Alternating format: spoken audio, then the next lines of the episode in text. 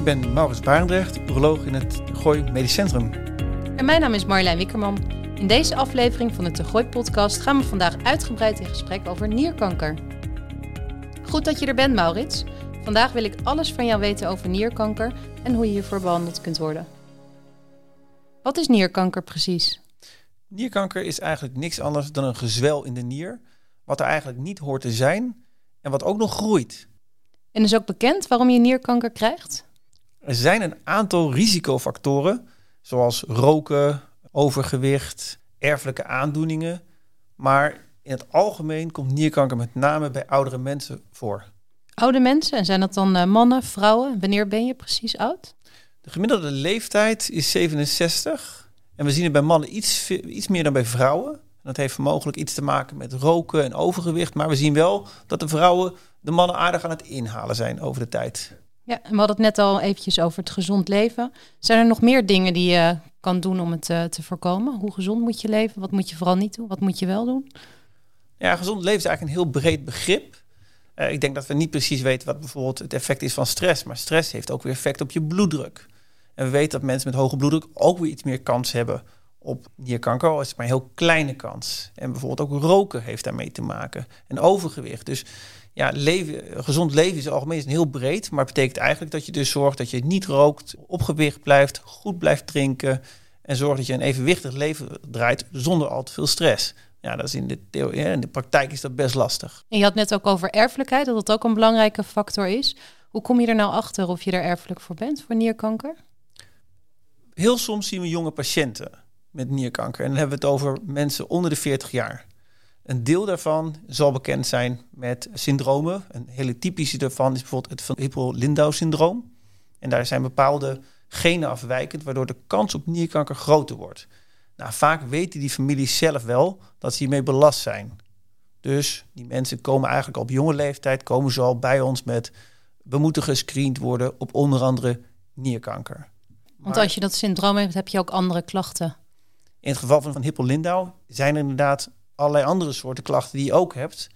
Maar goed, dat gaat een beetje te ver voor deze podcast. Maar een van de dingen die terugkomt, zijn inderdaad de aanwezigheid van ja, nierkanker en vaak ook in beide nieren. Dus dat is best complex. Ja, ja, dat snap ik. En voor darmkanker en borstkanker bestaat er een bevolkingsonderzoek. Voor nierkanker is dat er niet. Kan je daar iets meer over vertellen? Ja, nou ja nierkanker is in principe komt het best wat voor, maar het is nog altijd, eh, staat niet in de top 5 van meest voorkomende ziekten. Dus het screenen daarvoor zou echt te veel een belasting zijn voor het systeem. zou heel duur zijn en het levert ook eigenlijk niet genoeg op. Dus nee, voor borstkanker weten we, ik meen 1 op de 8 vrouwen krijgt borstkanker. Is echt heel zinnig om te screenen. Bij prostaatkanker doen we het bijvoorbeeld ook niet. Dan zou je te veel mannen moeten gaan screenen op prostaatkanker om daadwerkelijk een verschil aan te tonen. En dat is eigenlijk ook hetzelfde voor nierkanker. Het komt niet vaak genoeg voor om screenen zinvol te maken. Hoe vaak komt het dan voor? Hoeveel mensen krijgen nierkanker in Nederland, landelijk? Nou, ik heb het toevallig gisteren nog eens even opgezocht, want ik weet het ook niet meer precies, maar het zijn er ongeveer 2600 per jaar in Nederland dan. En daarvan overlijden er per jaar ongeveer 900. In Tergooi zien we een hoop mensen met nierkanker, maar die waaier is best breed. Er zitten dus mensen met een klein knobbeltje op leeftijd waar we eigenlijk helemaal niets mee hoeven te doen. Die volgen we soms. Of soms zeggen we zelfs, u hoeft überhaupt niet meer gecontroleerd te worden. Aan de andere kant zitten er mensen die uitzaaiing hebben. Ja, en dan ligt de zaak natuurlijk anders. En hoeveel patiënten behandelen we in Tergooi met nierkanker op jaarbasis? Nou, je hebt het onderscheid tussen wat de oncoloog doet en wat de uroloog doet. Ik als uroloog, samen met mijn collega's, wij opereren dus mensen met nierkanker zo'n 120 tot 180 keer per jaar. En dat zijn dan mensen uit de regio. We hebben een samenwerkingsverband en dat zie je tegenwoordig steeds vaker. In ons geval met het UMC Utrecht, het Meander ziekenhuis. En we hebben ook relaties met AVL. En een groot deel van de mensen met uh, nierkanker die geopereerd moeten komen, komen hier in het Tergooi Medisch Centrum. Dus we doen het relatief veel. Daar staat uiteraard tegenover dat we andere type zorg weer juist in het Meanders Medisch Centrum doen of in het UMC Utrecht. Maar laten we bij het begin beginnen. Welke klachten heb je als je nierkanker hebt? Ja, nou dat is eigenlijk ook meteen het grote probleem van nierkanker. Daar heb je dus eigenlijk geen klachten van. Heel vroeger, dat was dus voordat we allerlei scans hadden, kwamen mensen binnen met ja, wat je noemt eh, de trilogie van enerzijds pijn, anderzijds bloed bij de urine. En mensen konden zelf ook soms iets voelen in hun zij. Tegenwoordig zie je dat eigenlijk nooit meer. Mensen hebben geen klachten en eigenlijk wat we altijd zien op de polis dat mensen komen met een, ja, wat je noemt een toevalsbevinding. Dus er wordt een scan gemaakt voor het een of voor het ander en toevallig zien ze dan ook iets op de nier. Ja. En zo komen de mensen dan ja, uiteindelijk bij ons terecht. Ja, want als je op uh, bloedplassen googelt bijvoorbeeld, zie je gelijk allemaal nierkanker en het ergste wat er is, maar dat hoeft natuurlijk ook niet iets heel ernstigs te zijn.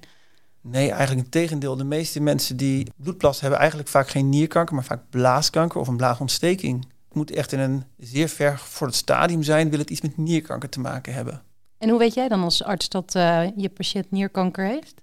Hoe stel je die diagnose en wat voor onderzoeken doe je? Meestal als mensen komen doen we nog aanvullend een speciale scan. Vaak is dat een CT-scan, maar wel echt helemaal gemaakt om nierkanker goed te duiden. Als je het heel precies wil zeggen, dan moet je eigenlijk dus weefselonderzoek hebben. Maar daar wachten we niet op. Vaak wordt er een operatie verricht en wordt daarna, aan het einde van de operatie, soms de hele nier, maar liever alleen de afwijking, dus de tumor, opgestuurd voor weefselonderzoek. En dan kan je echt zeggen, het was nierkanker. Ja, en komt dat in beide nieren dan voor, die kanker, of zit het vaak in één nier? Het zit eigenlijk altijd in één nier. Het is, uh, we krijgen die vraag wel vaak op patiënten op de poli van, goh, uh, kan het ook in mijn andere nier zitten? Nou, dat zien we godsdank heel erg weinig. Oké, okay, dus die kans is echt heel klein dat je het in beide nieren hebt. Ja, precies. Het is echt bijvoorbeeld bij die von de Hippolinda-patiënten, dus die mensen met erfelijke aandoeningen. En daar hebben we het nu heel veel over opeens, maar die zien we eigenlijk ontzettend weinig. Maar ja. die hebben wel nog de neiging om aan beide kanten nierkanker te ontwikkelen. Maar mensen die dat syndroom niet hebben, en dat is 90, 90 95, 100 procent, die hebben die kans eigenlijk bijna niet. En kom je dan via de huisarts in Tergooien bij jou terecht? Of hoe komen patiënten bij jou terecht? Nou, ze komen eigenlijk via allerlei richtingen. We zien ze inderdaad via de huisarts, maar dan heeft de huisarts bijvoorbeeld iemand ingestuurd met buikklachten. En dan wordt er voor de buikklachten wel of niet iets gevonden, maar toevallig worden ook de nieren meegenomen en dan wordt er toevallig iets gevonden. Maar we zien ook wel via collega's in het ziekenhuis zelf die een scan maken bij iemand die zegt: hey, ik, heb, uh, uh, ik moest iemand nakijken voor een vaatoperatie en ik zie daar toevallig ook iets op de nieren. En wat we ook tegenwoordig wel zien, is dat mensen bijvoorbeeld via pre-scan bij ons komen. En kan je dan ook al de uitzaaiingen gelijk zien? Uitzaaiingen zien we sowieso heel erg weinig. Maar als er zijn, zien we ze met name op die speciale scan, kunnen we ze goed zien. Oké. Okay. Ja. En wat dan? Wat doe je met patiënten die uh, uitzaaiingen hebben? Nou, die gaan eigenlijk allemaal naar de oncoloog. En het is wel echt vervelend bij nierkanker om uitzaaiingen te hebben, want daar hebben we wel van alles voor, maar we kunnen het echt niet meer genezen.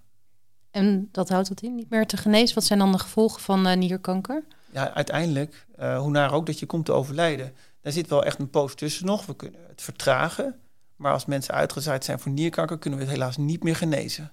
En dat is echt in essentie anders dan wat wij doen bij de urologie, waar we mensen opereren en echt kunnen genezen. Dus we kunnen de, de, het gezwel zit echt heel lokaal in de nier. En soms moet de hele nier mee, maar daarmee is ook wel de hele kanker in één keer weg. Gaan nu verder over de behandeling. We hebben van je gehoord hoe we tot de diagnose kunnen komen. Moet je voor nierkanker ook eigenlijk altijd behandeld uh, worden? Nee, zeker niet altijd. Het is echt maatwerk. Dus we kijken ten eerste uh, wat voor type nierkanker is het. En dan bedoel ik hoe groot is het, waar zit het precies. Maar we kijken bijvoorbeeld ook naar de leeftijd van mensen. Hoe groot is de kans dat mensen nog in de problemen gaan komen van een eventueel gezwellende nier? Als mensen in de 80 zijn en ze hebben een heel, klein, heel kleine afwijking in de nier, dan doe je er vaak veel beter aan om helemaal niks te doen. En als je al zegt we gaan behandelen, dan gaan we het er heel uitgebreid over hebben, ook in uh, de regio, van wat zou dan de beste optie zijn. Want ja, je praat toevallig tegen iemand die die operaties hier in Tegooi doet, maar ik ben maar deel van een team. En dat team bestaat ook uit uh, radiologen die RFA doen, dat is radiofrequente ablatie. Dus een, uh, eigenlijk het verhitten van een afwijking. Maar je kan het ook bevriezen, dat heet cryotherapie. En wat we ook steeds meer aan het doen zijn, is heel gericht een vorm van radiotherapie. Nou, en voor elke vorm van behandeling ja, is een indicatie. Dus we gaan het bespreken met mensen. Dus je kan als patiënt ook zelf mee beslissen over je behandeling uh, die je krijgt? Nou, dat is volgens mij eigenlijk wat je per definitie zou moeten willen. Ja. Dat mensen zelf goed geïnformeerd een beslissing nemen. Absoluut. En je gaf aan, wij doen in Tergooi niet alle behandelingen. Waar vinden die behandelingen dan plaats? Uh, nou, bijvoorbeeld de RVA, dat is die verhitting, die vindt plaats in het UMC Utrecht. Ik werk zelf ook een dag in het UMC. Dus vaak als mensen daarvoor in aanmerking komen en geïnformeerd willen worden en daarvoor mogelijk gaan kiezen, dan zeggen we nou, ik maak een afspraak voor je in het UMC. Dan word je daar gezien door de radioloog en die plant dan eventueel de behandeling samen met mij in. En dat geldt dus eigenlijk ook voor de radiotherapie, uh, maar bijvoorbeeld ook voor de cryotherapie. Ja. ja. en waar worden die aangeboden, die behandelingen, de cryotherapie en de radiotherapie? De cryotherapie doen ze niet in het uh, UMC, maar bijvoorbeeld wel weer in het Antonisch ziekenhuis. De radiotherapie wordt wel uitgebreid gedaan in het UMC Utrecht. Maar voor andere type behandelingen, radiotherapie, kan, kan het ook best wel zijn dat mensen doorsturen naar het AVL. Ja, maar dat is gelukkig wel allemaal in de buurt ook nog. Je hoeft niet het hele, hele land door te gaan voor een behandeling. Eh. Nee, precies. En omdat we eigenlijk allemaal wel in elkaars ziekenhuizen werken, zie je ook dat de lijnen heel kort zijn en dat het allemaal heel goed te regelen is. Je gaf net al aan dat in Tergooi de operaties uh, plaatsvinden. Kun je wat vertellen over de operaties en de mogelijkheden die je uitvoert? Ik vind ten eerste een hele goede zaak dat we gekozen hebben om de operaties bij elkaar te clusteren. Dus toevallig vinden de nieroperaties dan in Tergooi ziekenhuis plaats. Mensen uit andere ziekenhuizen zie ik op de poli in het Tergooi voor een intake. Vaak bespreek ik dan nog wat er gevonden is in andere ziekenhuizen om even te checken, zitten we op dezelfde golflengte? Vervolgens uh, bespreek ik van, nou, dit zijn de opties die we hebben. En vaak zijn die al besproken en komen mensen echt heel precies voor een operatie.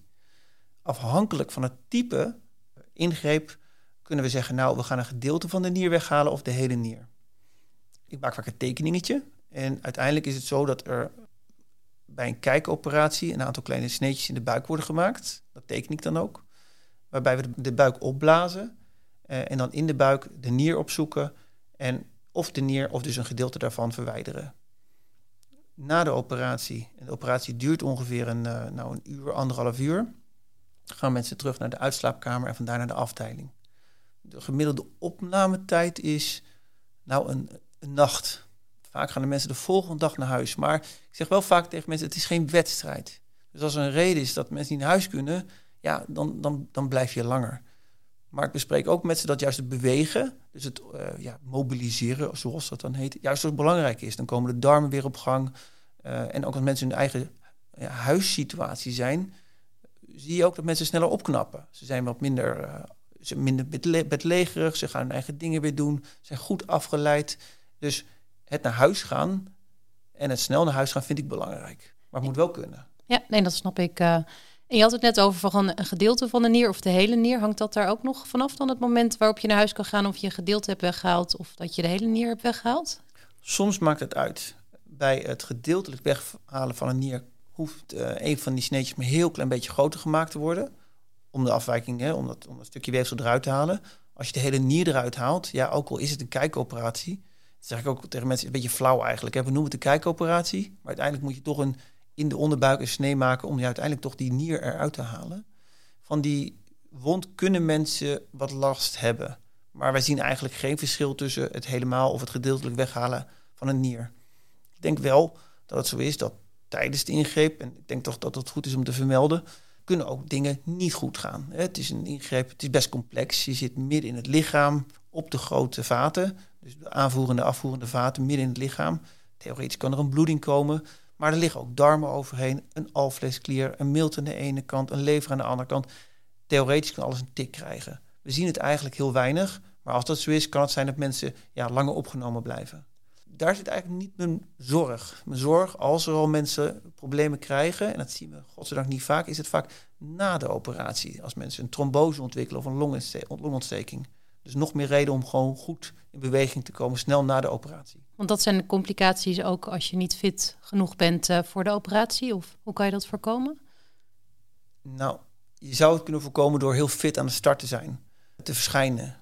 Maar ik vind dat niet helemaal reëel. Als mensen, ja, de, mensen, de gemiddelde leeftijd van een persoon die wij opereren is 74. Ik denk dat het niet te verwachten is dat die nog in zes weken tijd als een topatleet aan de start verschijnen die, die verwachting heb ik niet. Ja. Ik, heb, ik vind het wel fijn als ze een paar dagen van tevoren stopt met roken. Maar ik weet uit ervaring dat ook dat zelfs moeilijk is.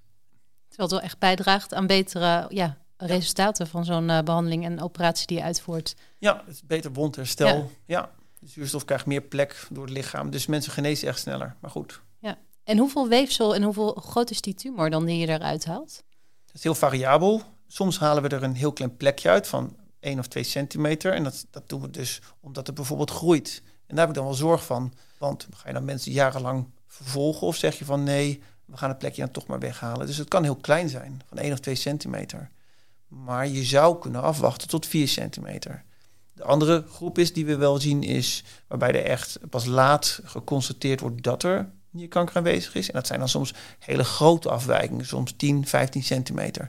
Ja, en dan plus de nier haal je dan soms inderdaad hele grote ja, stukken weefsel het lichaam uit. En dat is ja, dat, dan heb je dus ook een grotere wond. Ja, een soort melkpak eigenlijk. Ja, of soms wel een dubbelmelkpak. Dubbelmelk, ja, anderhalve liter. Ja. En stel nou dat je niet behandeld wordt, daar had je het net ook over. Van goh, je krijgt geen uh, operatie en er wordt eigenlijk niks gedaan. Hoe ziet dan het uh, verloop daaruit van nierkanker? Ik vind niks doen is echt ook gewoon een behandeling.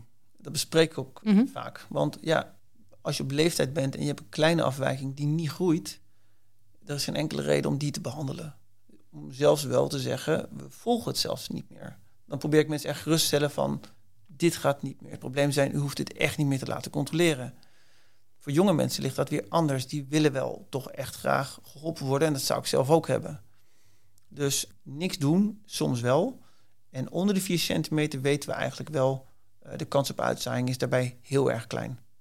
En dan ben je gewoon verder gezond, je hebt weinig klachten en je kan er rustig gewoon nog een paar jaar mee leven. Zeker. Onder de 4 centimeter hoef je in principe niks te doen.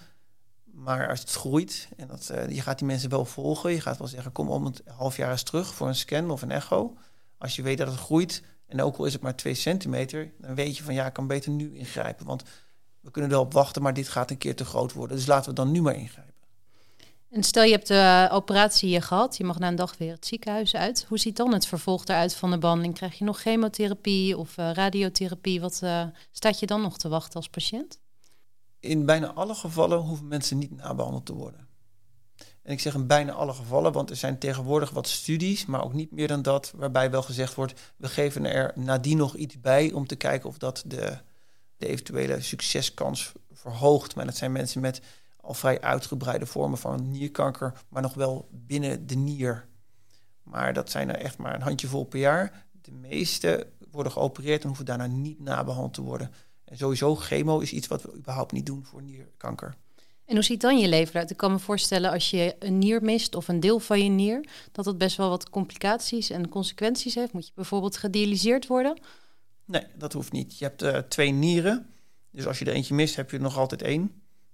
Je hebt echt een overcapaciteit met twee nieren. Dus je kan er echt prima in missen. Mensen met één nier worden ook niet.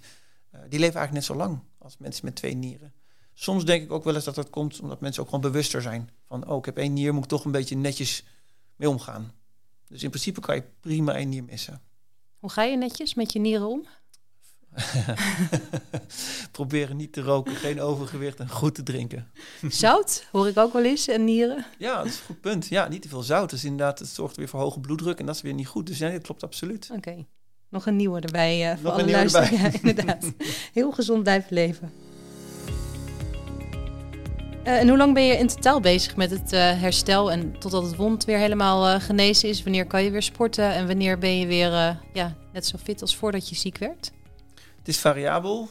uiteindelijk hangt het ook een beetje af van, de, van, van, de, van, van degene die geopereerd is zelf. Maar als je redelijk fit aan de start verschijnt en je wordt na een dag ontslagen uit het ziekenhuis, kan je eigenlijk alweer alles. Maar wel met enige rust na twee weken kunnen mensen eigenlijk alweer bijna alles. Kunnen ze ook weer rondlopen en fietsen. Ik zeg alleen wel voor echt zware lichamelijke inspanning. Wacht zes weken. En dat heeft met name te maken dat de wondjes, en met name de peesplaat die onder dat wondje zit, die heeft gewoon wat tijd nodig om te herstellen. Dus dat, daar nemen we zes weken voor. En bestaat er een kans dat het weer terugkomt? Ja, niet als de hele nier eruit is. Maar als we de nier gedeeltelijk weg, of de afwijking gedeeltelijk weghalen uit de nier, heb je een hele kleine kans, en dan hebben we het echt over een paar procent dat het terugkomt.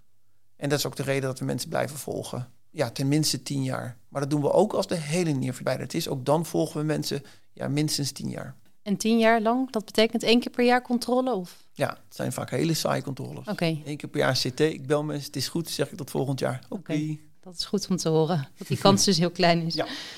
En zie je nou het verschil tussen eh, de behandelingen van vroeger en eh, van tegenwoordig, dus van meer dan tien jaar geleden, en de behandelingen die we nu uitvoeren? Is daar een ontwikkeling in geweest? Ik denk dat de operatie SEC, dus het verwijderen van een nier of een deel daarvan, daar is relatief weinig in veranderd. Maar de grote winst zit in de snelheid waarmee mensen uh, geopereerd worden en de snelheid waarmee ze ook weer naar huis kunnen. En hoe sneller mensen naar huis kunnen, hoe, hoe korter ze in het ziekenhuis zijn, ja, hoe sneller ze ook weer genezen en hoe minder complicaties ze hebben. En dat vind ik heel belangrijk. En daar is wel veel, daar is echt veel gewonnen. Waar vroeger het heel normaal was als je een week in het ziekenhuis lag. En juist door dat liggen en het in het ziekenhuis zijn, krijg je toch ook wel ja, lichamelijk, maar ook geestelijke problemen. En nu zie je dat mensen snel naar huis kunnen. Ja, en echt zoveel sneller opknappen. En dat vind ik echt winst. Ja, wat is de reden waarom mensen sneller naar huis kunnen tegenwoordig? Het is gedeeltelijk dat er heel veel met een kijkoperatie kan. En waar je vroeger terughoudend was en al vrij snel een open ingreep ja, deed, zie je dat we nu eigenlijk alles met een kijkoperatie of met een robot, in ieder geval met een vorm van kijkoperatie doen. En dat deed je vroeger niet. Dus daar zit heel veel winst. Maar het is ook uh, mindset. Het is ook steeds meer uh, realiseren we ons dat uh, als je mensen snel naar huis laat gaan, ze sneller opknappen. Maar en bijvoorbeeld, we geven mensen geen katheter meer na de operatie. Ze krijgen geen maaghevel meer, dus zo'n slangetje voor in je maag. Ze krijgen geen drain meer bij de wond, maar ze krijgen ook geen pleisters meer. En het zijn oplosbare hechtingen. Dus mensen zijn eigenlijk op de afdeling eigenlijk al los van alles. En dat zie je. Mensen gaan sneller naar huis. En dat vind ik winst. Ja, nee, dat is zeker enorme winst. Hoe korter je in het ziekenhuis bent, uh, hoe beter. En ik denk ook dat je thuis gewoon veel beter kan herstellen in je eigen omgeving in heel veel uh, situaties. Waarin onderscheidt uh, Tergooi MC zich bij deze behandeling ten opzichte van andere ziekenhuizen en behandelcentra? Wij onderscheiden ons volgens mij door wat je noemt die regio-samenwerking, waarbij er heel duidelijk is gekozen om van het Tergooi Medisch Centrum het niercentrum te maken. En dat zorgt dus ook voor dat ik en mijn collega's echt heel gefocust zijn op die nierchirurgie, nieronderzoek en alles wat er met nierenkanker te maken heeft. Dat is volgens mij waarin wij ons onderscheiden als Gooi, nierkanker. Ik zeg er wel meteen bij, dat betekent ook dat een ander centrum zich weer heel goed onderscheidt in een ander type kanker. En het feit dat we bij elkaar werken en elkaar makkelijk kunnen vinden, dat is volgens mij voor dan ook iedereen heel goed. Wat staat er in de toekomst uh, nog te gebeuren? Vraag je nog andere veranderingen of ga je op een andere manier opereren? Nou, ik vraag me af of het opereren nou eigenlijk iets is wat in de toekomst steeds meer gaat gebeuren. Ik denk eigenlijk, en dat hoop ik ook wel, dat we steeds meer naar wat je noemt uh, non-invasieve behandelmethodes kunnen gaan. Dus waarbij eigenlijk iemand helemaal niet meer geopereerd hoeft te worden, maar dat ze voor een behandeling ergens naartoe gaan voor een halve dag en ze gaan weer naar huis en het is klaar. Ik denk een goed voorbeeld daarvoor is radiotherapie. Dat staat echt, dat staat echt nog in zijn kinderschoenen. Maar ik hoop dat ik het nog meemaak. Want het gaat toch langzamer dan ik wil. Maar ik hoop dat ik het nog meemaak. Dat mensen naar de poli komen, een bestraling krijgen en een half uurtje later weer naar huis gaan. Ja. En dat is volgens mij wel mogelijk. Dat gaat eraan komen. Maar het is er helaas nog echt niet. Ja, een mooie ontwikkeling als dat uh, er gaat komen. Absoluut. Ik ben nog wel eventjes benieuwd wie jij bent uh, verder uh, als uroloog. En nou ja, als eerste ben ik heel benieuwd, hoe ga je om met het lief en leed uh, van je patiënten? Je gaf net ook aan, er kunnen uitzaaiingen zijn, mensen kunnen dan overleden. Ja, hoe, hoe ga je daarmee om met dat soort emoties uh, van je patiënten, maar ook van familieleden en naasten? Nou, ik probeer, dat meen ik ook echt wel, gewoon medeleven te tonen. Maar tegelijkertijd heb ik wel echt een heel duidelijk een doktersrol. En volgens mij is mijn rol erin dat ik gewoon heel duidelijk ben naar mensen. Dus niet dingen probeer te verdoezelen, niet mooier voordoen dan het is, maar gewoon heel duidelijk zijn. En ik merk dat dat ook heel erg gewaardeerd wordt. Dus zelfs als de boodschap soms onprettig is, duidelijk zijn. En eerlijk ook eigenlijk dan uh, ja, daarmee. Duidelijkheid is eerlijk. En ook wel perspectief bieden. Gewoon ook wel zorgen dat als je iets meldt, ook wel een soort van... Zeg van ja, en we kunnen dit doen en dit kan je ervan verwachten. En welke ervaring of welke patiënt is je het meest bijgebleven? Ik denk de allereerste patiënt die ik geopereerd heb hier. Op de allereerste dag was een 87-jarige Marokkaanse man. Ik was best benauwd, want het was een beetje een, een beetje dikke manier. En hij was helemaal niet zo gezond. Maar het is een hele vriendelijke kerel. En ik zie hem nog steeds voor controles. En daar heb ik eigenlijk wel een beetje een band mee opgebouwd. Dus die herken ik nog heel goed. Ja, wat een mooi verhaal. En wat fijn ook om uh, te weten dat hij ook nog helemaal gezond is. En uh, ja. dat het goed met hem gaat. Hoe oud is hij inmiddels? 92. 92. Zeker. Zo. En wanneer heb je je eerste nieroperatie? Nou, dit was natuurlijk een eerste nieroperatie in het Tergooi. Maar wanneer heb je je allereerste nieroperatie uitgevoerd? Ik denk mijn eerste nieroperatie moet in het bos zijn geweest tijdens mijn opleiding. Dat was nog een open ingreep. Toen begon het wel een beetje te, te borrelen. Toen dacht ik wel, dit is echt leuke chirurgie. Dus voor, ja, voor een arts is het technisch echt leuk, uitdagend, mooi werk. En eigenlijk is het, dat moet een jaar of twaalf geleden zijn, denk ik. En eigenlijk sindsdien ben ik gewoon eigenlijk op dat nierpad gebleven. Dus met onderzoek in het UMC, het steeds verder ontwikkelen van techniek, studies. Ja, ik vind dat leuk om te doen. En uh, die regionale samenwerking, waarbij we nog meer samen clusteren, geeft ook eigenlijk weer meer mogelijkheden om dingen op te gaan zetten en te verbeteren. Ja. En wat maakt het vak van uh, uroloog zo mooi voor jou? Nou, urologie is een heel breed vak. Het is een vak waarbij je dus met ja, mannen, vrouwen, maar ook kinderen te maken krijgt. Het is aan de ene kant heeft het grote chirurgische operaties in zijn pakket zitten, maar bijvoorbeeld ook uh, andrologie, um, een stuk interne geneeskunde zit erbij, maar ook mensen met uh, vruchtbaarheidsstoornissen. Het is zo super breed. En dan binnen dat brede pakket mag je heel veel zelf doen. Dus zelf echo's maken, je kan zelf een heleboel onderzoeken inzetten. Dus je bent heel autonoom. Dus aan de ene kant de breedte, maar ook wel de autonomie. Dus dat geeft gewoon het werkplezier, uh, die hele, het, brede spectrum uh, waarin je mag uh, werken eigenlijk. Ja, voor mij wel. Ja. Absoluut, absoluut. Heb je behalve nierkanker nog andere speciale aandachtsgebieden? Nou, samen met twee andere collega's doen wij de, eigenlijk de oncologie, dus alles wat met kanker te maken heeft. Nou, specifiek doe ik dan die nierkanker, maar voor prostaat, blaas en teelbalkanker doen we ook de operaties en de diagnostiek. En minstens zo belangrijk, het vervolg daarvan. En nou, dat vereist wel echt wel een soort specifieke kennis. En ook wel, ja, hoe zeg ik dat, het Nederlands, dedication. Dat je er echt bovenop zit en zorgt dat dat goed loopt. En dat hebben we, vind ik, goed ingericht. En dat zou ik ook zeggen dat dat naast de nierkanker ook echt wel een deel van de specialisatie is. Dus de oncologie bij de urologie. Ja, en wat bedoel je precies met de opvolging daarvan? Nou, als mensen om wat voor reden ook geopereerd zijn of behandeld zijn, is eigenlijk heel belangrijk dat je ze daarna goed volgt in de jaren die volgen. Ja. Kanker heeft helaas de nare eigenschap om soms terug te komen. En dat moet je op een goede manier en ook tijdig opsporen. En het is nog best wel een kunst om daarna de goede behandeling te vinden, om dan weer dat wat teruggekomen is, op een goede manier te behandelen. Ja, en ik heb begrepen dat je daar ook uh, ja, andere manieren van zorg in zet. Bijvoorbeeld videoconsulten of het sturen van uh, chatberichten. Kan je daar iets meer over vertellen? Om op die manier mensen te blijven volgen? Ja, het hangt echt ook weer samen met de zorg zal gaan veranderen de komende 30 jaar. Ik merk nu dat we veel mensen worden ouder. En in de laatste 10 jaar genieten mensen 80% van hun zorg. Dan hebben we ook nog te maken met minder personeel. Dus als je iedereen op een goede manier wil behandelen, zal je slimmer moeten gaan werken. Nou, daar ben ik niet alleen in. Dat doet Tergooi ook uitgebreid. Met Beter Dichtbij. En daar ben ik wel echt op ingesprongen door te gaan kijken of we een deel van het volgen van patiënten kunnen doen via bericht op hun telefoon. Ja, via de Beter Dichtbij app uh, bedoel je dan? Ja, en dat betekent eigenlijk zoiets dat op een gegeven moment ga ik mensen tekstberichten sturen. Niet alleen met de uitslag van een laboratoriumonderzoek of voor, met beeldvorming, maar ga ik ook van mijn kant erbij zitten. Nou, dus een prima uitslag en verwacht dat ik u over een half jaar weer oproep. Ja. op die manier heb ik het, eh, is het mogelijk om de mensen die gewoon goede controles hebben, krijgen gewoon een goed bericht dat ze na kunnen lezen. Maar tegelijkertijd hou ik tijd over voor als er een keer een controle tussen zit die niet goed is we zijn denk ik aan het eind gekomen van dit interview, uh, Maurits. Dankjewel. En je hebt al heel veel tips gegeven natuurlijk om gezonde nieren te krijgen en te behouden. Heb je nog een allerlaatste tip uh, die je zou willen meegeven aan alle luisteraars? Genoeg water drinken. En weinig zout. En weinig zout. Dankjewel Maurits Dankjewel. voor uh, al je antwoorden. Ik heb veel geleerd over nierkanker. Bedankt voor het luisteren naar deze aflevering van de Tergooi podcast. Luister ook naar de andere interviews van de artsen van Tergooi MC. Laat een review achter op Spotify, Apple Podcast of een ander luisterplatform. Meer weten over de Tegooi podcast? Ga dan naar tegooi.nl/podcast. Tot de volgende keer.